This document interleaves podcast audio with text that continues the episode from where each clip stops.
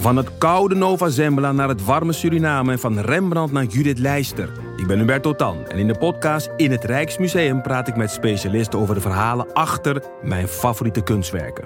Nieuwsgierig? Beluister nu de nieuwe afleveringen. Kijk, de Jordaan. Daar ben ik geboren en getogen. De nieuwe Nederlandse musical Onze Jordaan van Diederik Ebbingen is dit najaar in de theaters te zien. Koop nu uw kaarten op onzejordaan.nl. Leuk toch? Welkom. Vanaf de redactie van De Groene Amsterdammer is dit uw wekelijkse podcast. Zoals u hoort ben ik niet Kees van der Bos. Die is er de volgende week weer. Ik ben Stefan Sanders en vandaag uw presentator. Mijn gast vandaag, Margaliet Kleiwecht. Heel lang journalist geweest bij Vrij Nederland.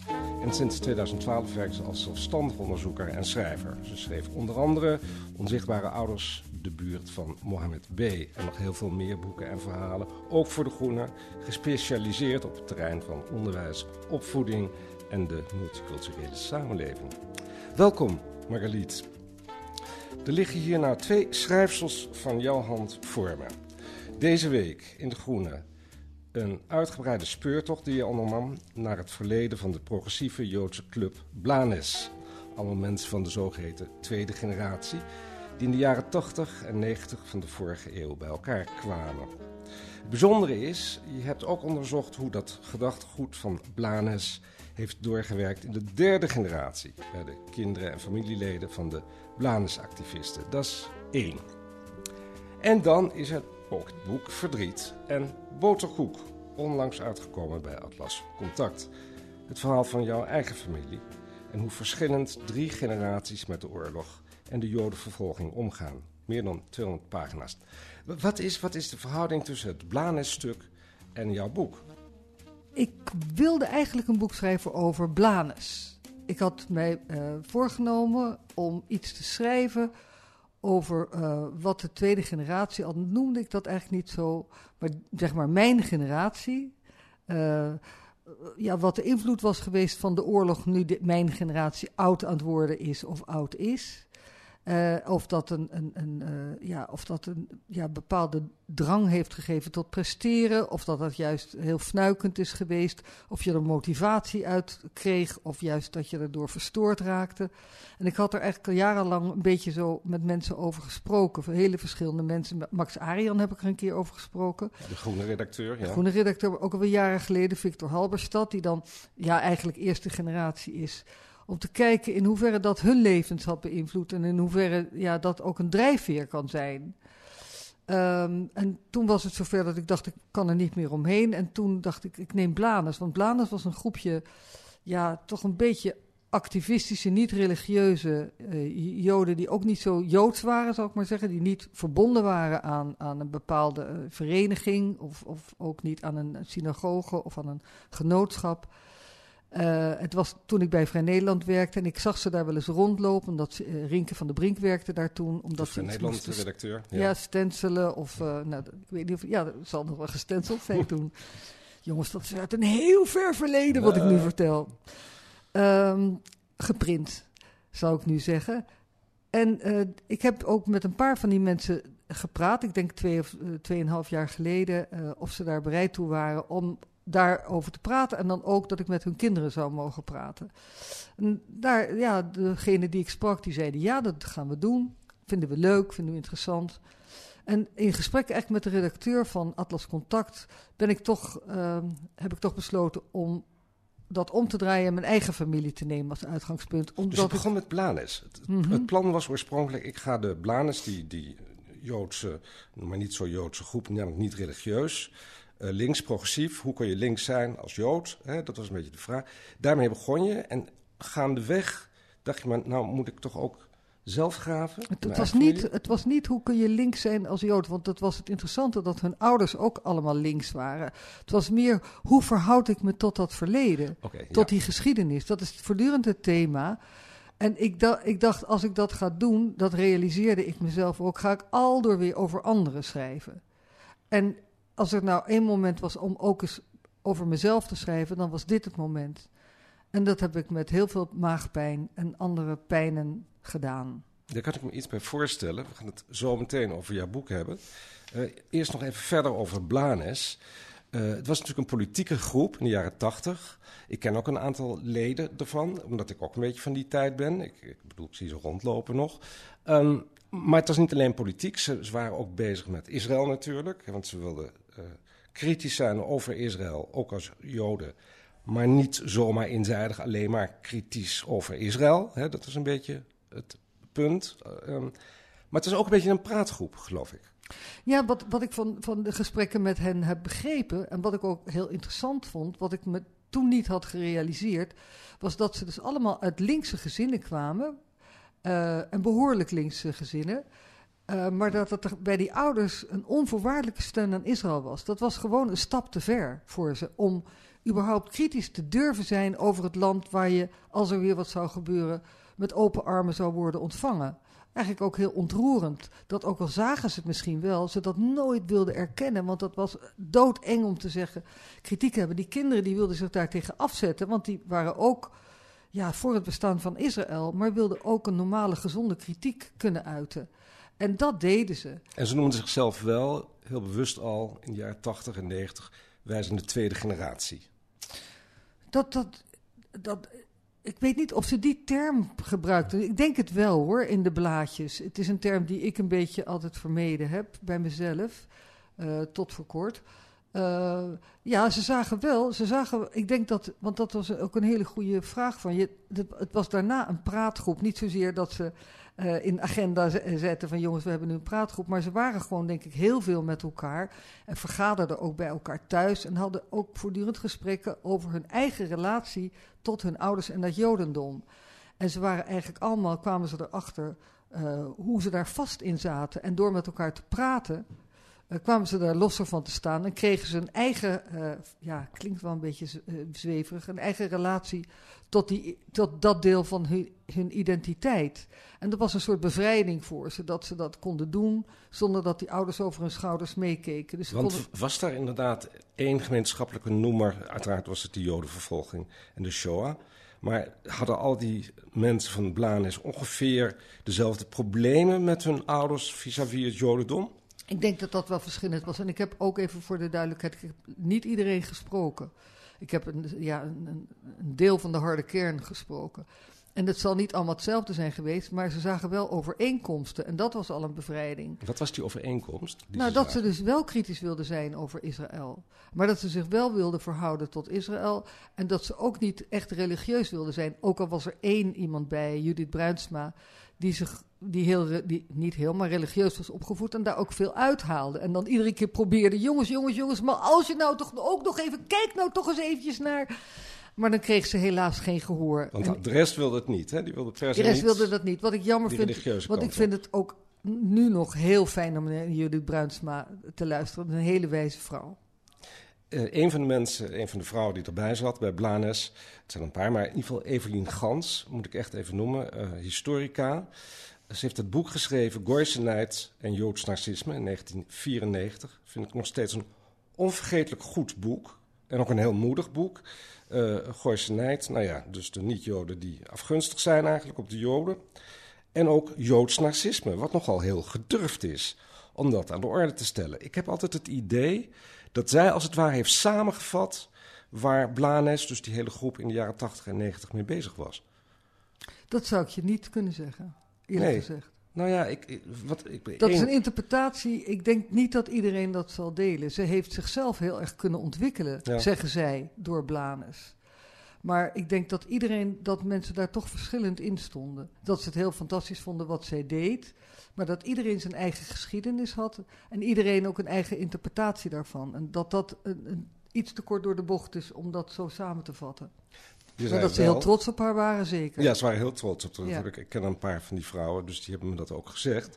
Uh, het bijzondere is... Nou, ik zou niet tegen je in durven gaan dan, toch? Nou ja, weet je, het, het, een van de dingen die Evelien in dat boek zegt, Gans...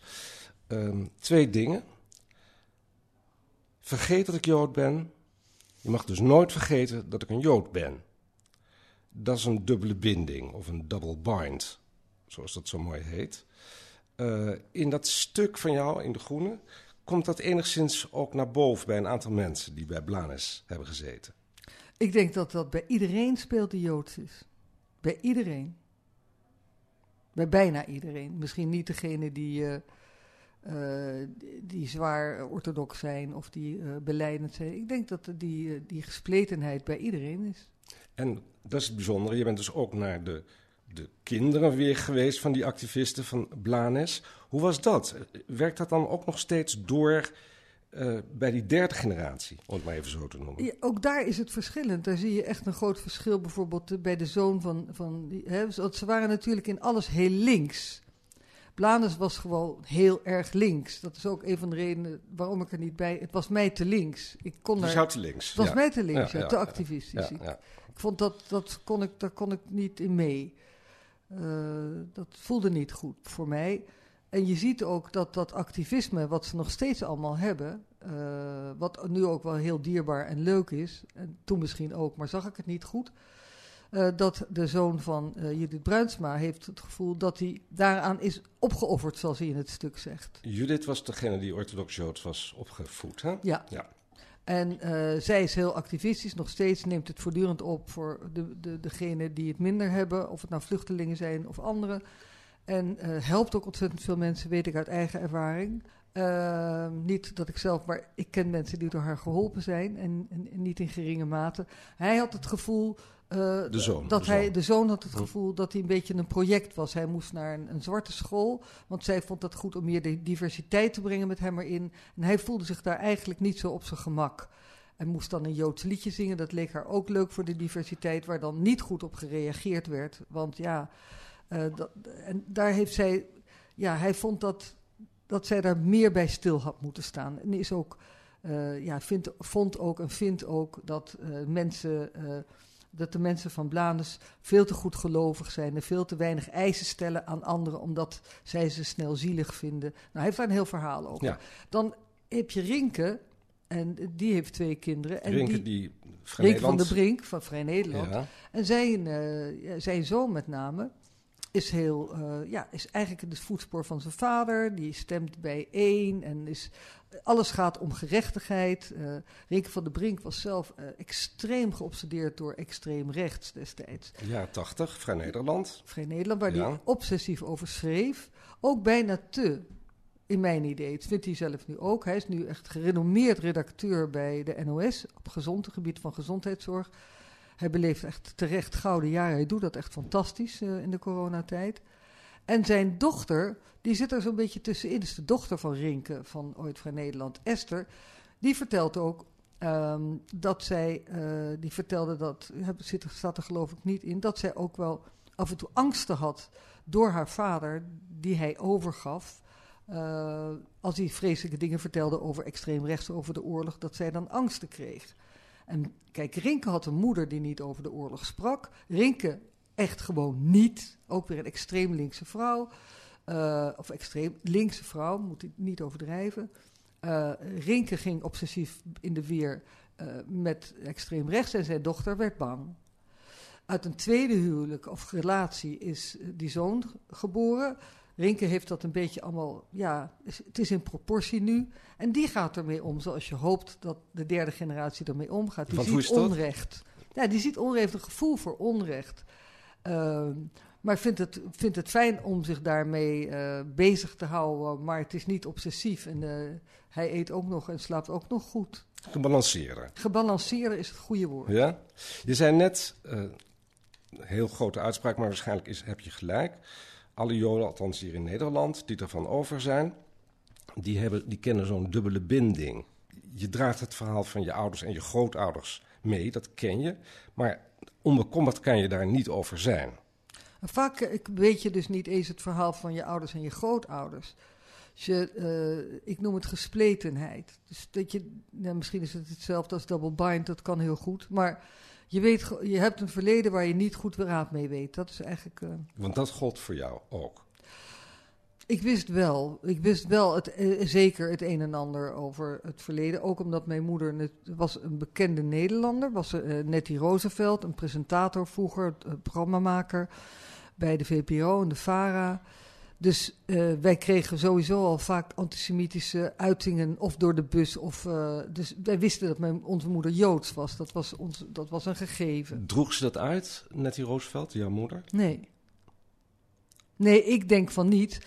Maar ze was onmiskenbaar Joods. Dus ik bedoel, je kon het zien, zal ik maar zeggen. En... Uh, dus dat dringt wel ergens tot je door. En daarbij heeft zij ook wel verhalen verteld dat ze ondergedoken had gezeten. En wij gingen veel om met de familie waar ze ondergedoken had gezeten. Dus dat was mij wel bekend. Maar de portée of de zwaarte, die denk je, ik denk dat je als kind die altijd tegenhoudt. Of dat je dan een scherm neerlaat of denkt, uh, het is wel goed, laat maar zitten. Gaan we nog buiten spelen vandaag? Ja, dat is ook een goede vraag, vind ik. Ja. In de jaren 70 en 80 van de vorige eeuw. Gaan we nog buiten spelen? Um, ik heb een klein fragment gevonden van jouw moeder, die eigenlijk een bekende Nederlander was voordat BNR bestond, dat begrip. Um, Nettie Roosevelt, uh, eerst tv-omroepster, na oorlogse tv. Later al heel veel programma's gemaakt, ook voor de VPRO. Uh, laten we even luisteren naar een programma van, uh, uit 1989, de radiovereniging van de VPRO. En dan zijn Wim Noordhoek en Arend-Jan Heerma van Vos in gesprek met jouw moeder.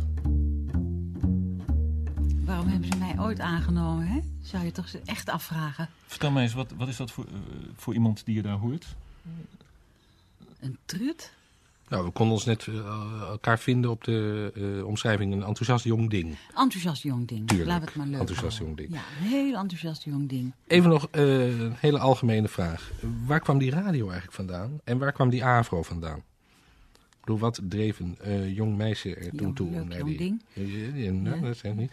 Uh, naar die radio te gaan en dan in het bijzonder die AVRO, die toch ook een heel specifieke positie altijd heeft gehad. Eerste radio. Wat was dat? Zomaar spannend? Ja, denk het wel. Ja, ik vond radio dus uh, wel heel leuk. Ja, er hoeft geen, uh, er hoeft geen levensplan of een nee. diepe, diepe visie achter te nee. zitten. Nee, nou, ik, ik, heb gesolliciteerd daar. Iemand zei, ja, uh, solliciteer maar als je hebt zo'n aardige stem. Dat is ook een soort vloek geweest die me heel lang heeft achtervolgd. Zo'n aardige stem. Maar goed, ik dacht, nou oké, okay, dat doe ik dan maar. Ik ga ja. maar eens kijken. Nou, zo beginnen die dingen soms. Ja. En die AVRO, waar, waar, waar kwam die vandaan? Ja, de AVRO kwam... Ja, Want dat reizend Nederland was natuurlijk op een gegeven moment gerezen. Ja. En toen waren al die vooroorlogsomroepen er weer. En waarom werd het nou uitgerekend de AVRO? Ja, omdat ik een beetje moeilijk had gedaan tegen de VARA. Hoezo? Huh? Hoezo? Ik ben daar toen naartoe geweest aan de hand van uh, dominee Spelberg. Die was iets hoogs bij uh, Radio Nederland in overgangstijd. En uh, ja, ik, ik zei dingen die, die Broeks van de VARA dus niet zo erg bevielen. Dat heb ik dus heel lang gedaan, ook dingen gezegd die hem niet bevielen. En, uh, want ik, ik kon mij dus nog steeds niet uh, ja, vereenzelvigen met een rode Brahms en een Roomse Brahms en een liberale Brahms. Nettie Roosevelt, ja, de vloek van, van de fluwele stem, van de aardige stem. Maar ze was heel bekend. Um, wat gaf ze aan jou door van het Joodse? Overigens wil ik toch even uitleggen wat de vloek was van die fluwele, fluwele stem. Dat is namelijk het verhaal dat haar moeder stierf door haar geboorte. Uh, de moeder van mijn moeder, staat ook uh, in het boek. Die, Margaretha. Uh, Margaretha had een Correct. prachtige stem en is overleden bij de geboorte van mijn moeder. En haar vader zei, je hebt de stem van je moeder. Dus dat was een vloek. Ze moest ook naar het conservatorium, wat ze niet wilde. Dus dat is de, ze gaan daar niet op door. Ik nee, want ik dacht inderdaad de vloek van de mooie stem. Maar dat is waar, je beschrijft het in je boek. Ja, en uh, uh, dat, dat is altijd moeilijk ge, gebleven voor haar. Die mooie stem, ja, het zal wel. Maar mijn moeder was dood. Ja. Wat vroeg je? Ik weet het niet meer. Wat gaf je moeder door van het Joodse aan jou? Nou, dat, de, hij, zij gaf heel duidelijk de dubbel, uh, dubbelzinnigheid ervan. In de eerste plaats door te zeggen, wij zijn niet Joods. Wij zijn niet Joods, want we doen er niks aan. Want geen geloof? Want geen geloof, maar we doen ook niet aan Seider. We doen ook niet aan Pesach. Uh, een Pasen kwamen de matzes op tafel. Maar mij wel Margaliet noemen, wat een super Hebreeuwse naam is. Dat is weer afgeleid van het Margaretha. Margaretha, maar dan de Israëlische variant. Ja. Ze moest er ook voor, uh, tegenwoordig is het een geregistreerde naam, maar zij moest ervoor naar de Israëlische ambassade. Uh, om, omdat het nog geen erkende naam was hier. Dus daar heeft ze best wat voor ondernomen. Ze wilde met mij naar Israël toen ik net geboren was. Uh, dus ja, die, die, binding, die, die dubbelheid was er voortdurend. Dus je was het niet, maar als er ergens iets antisemitisch, als ze als ook maar vermoeden, dan was de wereld te klein. En, en ja, dat is heel lastig voor een kind om je toe te verhouden. Je weet dan niet, ja, ben ik het nou, ben ik het niet? Wat moet ik ermee? Ik denk dat ze beter een keertje zijderavond had kunnen vieren. Want ze, we wisten wel dat het melkservies nog op tafel lag, het enige wat was overgebleven. En uh, we wisten ook dat ze heel lekkere schoteltjes maakte op vrijdagavond. Dat ze boterkoek bakte, koegel met peren maakte. Gefilte vis niet, want ze hield niet van vis. Dus het maar was... dat deed jouw moeder allemaal wel? Dat deed ze wel, ja. ja. Ik weet nog één keer heel goed dat... Um, uh, Jaap van Praag en hoe heette zijn broer? Jaap en, uh, Jaap en Max van Praag, dus van Ajax. En uh, van, die kwamen dan bij ons eten, had ze koegel met peren gemaakt. En ik deed de, deed de deur open en er stonden die mannen met een pak rennies. Want het is heel zwaar na mijn koegel met peren. Om vast, en dat was één avond, het was geweldig echt. Van ook enorm veel Joodse moppen.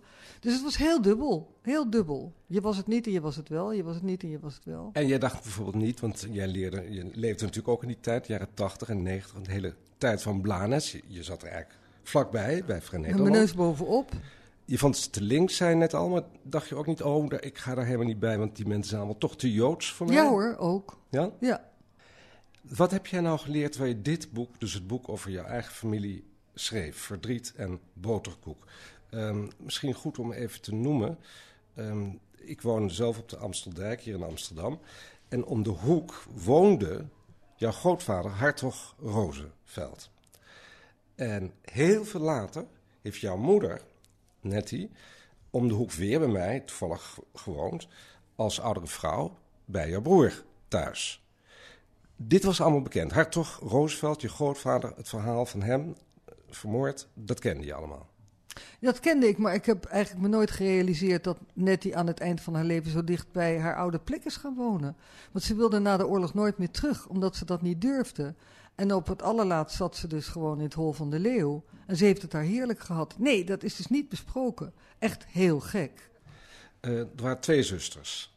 Nettie en ze had een zuster, Esther. Jouw tante, tante Esther. Twee heel verschillende mensen waren het. Uh, die wel met dezelfde achtergrond, maar die daar ook weer heel verschillend mee omgingen. Jouw moeder heeft enorm hard gewerkt, uh, kreeg een enorm mooie carrière. Hoe zat het bij jouw tante, Esther? Uh, ja, ik begrijp dat dat ook een soort reactie is die vaker voorkomt. Je kunt of heel passief worden of heel actief. En Esther werd heel passief. Ik herinner me dat nog heel goed. Ik was heel dol op haar. Ik logeerde ook veel bij haar. Ze was stukken ouder. En die heeft nooit meer gewerkt en afgewacht tot het voor haar allemaal zou gebeuren wachten. En mijn moeder kon daar heel slecht tegen. Die vond dat verschrikkelijk irritant, iemand die niet werkte. Want, nou ja, je hebt haar ook gekend. En uh, mijn moeder was niet voor de poes. Nee, was niet voor de poes. En dat hoeft ook helemaal niet. Waarom nee, zou je ook voor de poes moeten zijn? Helemaal. Nee. Uh, dus die ging daar steeds zich meer aan ergeren. En ik vond dat ook heel verdrietig. Want ik dacht, ja, ze hebben allebei iets vreselijks meegemaakt. Zijn er doorheen gekomen. En vaak zie je dat dan misgaan. Maar ik was toch altijd geneigd om het een beetje te verzoenen. Oh, dus jij wilde het goed maken. Ja, ik denk... Het mijn meisje dat het goed ging maken. Nee, Jaap wilde dat ook. En wij wilden dat alle drie. Jaap is de... De neef, haar zoon van Esther en mijn broer wilde dat ook. Maar ik wilde het wel het liefst. Dat boek van jou begint echt geweldig. Het begint met een uh, ja, grote scène op een Italiaanse berg het lijkt wel een reclame van Bertolli, de, de olijfolie. Ja. Een hele grote en gezellig. Al die mensen die er over zijn en die erbij zijn gekomen in deze Joodse familie, die zitten op die berg en die hebben het reuze gezellig. Zo begint het. Maar hoe griezelig was het om je familie te vragen over die oorlog en de vervolging en de doorwerking van al die dingen? Ja, dat is nou, dat, het is niet bedoeld als cliché, maar ik vind het dus fijn dat je dat vraagt. Want dat vond ik zelf heel spannend toen ik eenmaal besloten had, ik doe bladers niet, maar ik wil mijn eigen familie. Toen moest ik ze ook gaan inlichten over, inlichten over dit uh, idee en ze vragen of ze mee wilden werken. En dat heb ik stuk voor stuk gedaan, dus heel voorzichtig. Ook de een en dan de ander vond het doodeng. En iedereen had, zei, nou ja, ze hadden geen idee wat ik nou wilde eigenlijk, of wat ik nou precies bedoelde. Maar oké, als jij dat wil, nou, doe maar. Wat was er zo eng aan voor jou? Omdat ik ook ik wilde iets schrijven wat de familie recht deed, maar ik wilde ook iets schrijven uh, er achter, achter bepaalde patronen kunnen komen. Dus ik wilde ook kritisch kunnen zijn en ik wilde ook dingen kunnen schrijven die misschien niet heel flatteus waren, of, maar die misschien wel ergens toe leiden. Wat, heb je, wat is een voorbeeld daarvan in je boek? Nou, dat mijn neef uh, uh, toch heel moeilijk, uh, heel veel aandacht trok, waarmee hij ook zijn kinderen het moeilijk maakte af en toe. Dat was neef Jaap. Neef Jaap. Ja. ik vond het ook, ik ben nu pas, heb ik begrepen, hij, hij vertelde altijd heel erg larmoyant over zijn onderduiktijd. Dat was de mooiste tijd van zijn leven. Het was de beste tijd. Hij had de leukste ouders. Het was geweldig. Een tuin, een matisse aan de muur. En dat was ook heel raar, vond ik dat. En iedere keer gedurende mijn lange leven riep hij dat maar. En door het schrijven van het boek begreep ik het pas. Want hij is teruggegaan na de oorlog, meteen na de oorlog, als zesjarig jongetje, naar een huis waar iedereen met de vodden aan zijn lijf, daar was zijn moeder. Er was niets meer over. Van, hij zat tussen het, ja, een aantal getraumatiseerde gekken, zal ik maar zeggen. Dus nu begreep ik waarom hij altijd zo, uh, ja, zo larmoyant erover spreekt. En dat zal hij ook nooit veranderen. Dus het moet een trauma zijn geweest om daar terecht te komen. Maar ik wilde het wel opschrijven. En een ander ding, wat je, je schrijft heel veel in dat boek, maar je, je schrijft ook dat je moeder, Nettie, op een gegeven moment tegen jou zegt en tegen je broer zegt: Jullie moeten je bloed verdunnen. Ja. Dat is ook stevig. Dat is heel stevig en dat vond ik uh, ook wel moeilijk, maar ik herinner me dat nog zo goed. En ik, gek genoeg dacht ik daar dus nooit over na. Wat bedoelde Nettie daarmee, Roos? Nou, letterlijk. Je moet het bloed verdunnen. Je moet niet Joods trouwen. En uh, uh, je moet, uh, je moet je niet omringen met Joden. Dus ook Eigenlijk. niet bij Blanes? Ook zeker niet bij Blanes. Al was ze, in, uh, was ze heel goed met Evenie Gans later in haar leven. Want ik denk, als ik een Joodse vriendin had, vond ze het weer geweldig. Dat is weer die dubbelheid. Maar het bloed verdunnen is natuurlijk heel agressief. En heel akelig. En ik begrijp het na het boek wel beter. Want je wilt je kind behoeden. Dat had ik me ook nooit gerealiseerd. Je bent dat is toch wel, wel getrouwd met Ad van Denderen. Niet-Joods man, bekend fotograaf, ook veel in De Groene uh, gepubliceerd, ook in Vrij Nederland. Was dat haar geruststelling dan ook? Absoluut. Voor, voor je moeder, voor Nettie? Ja, ja nee, nee, omdat tegelijkertijd moest het ook wel iemand zijn die niet antisemitisch was. Er waren vele eisen. En dat was Ad niet. dus dat was goed. Dat was goed. Nou, het mooie is, wat je bij Blaans hebt gedaan, heb je eigenlijk nog veel meer gedaan in dit boek. 200 pagina's zei ik al.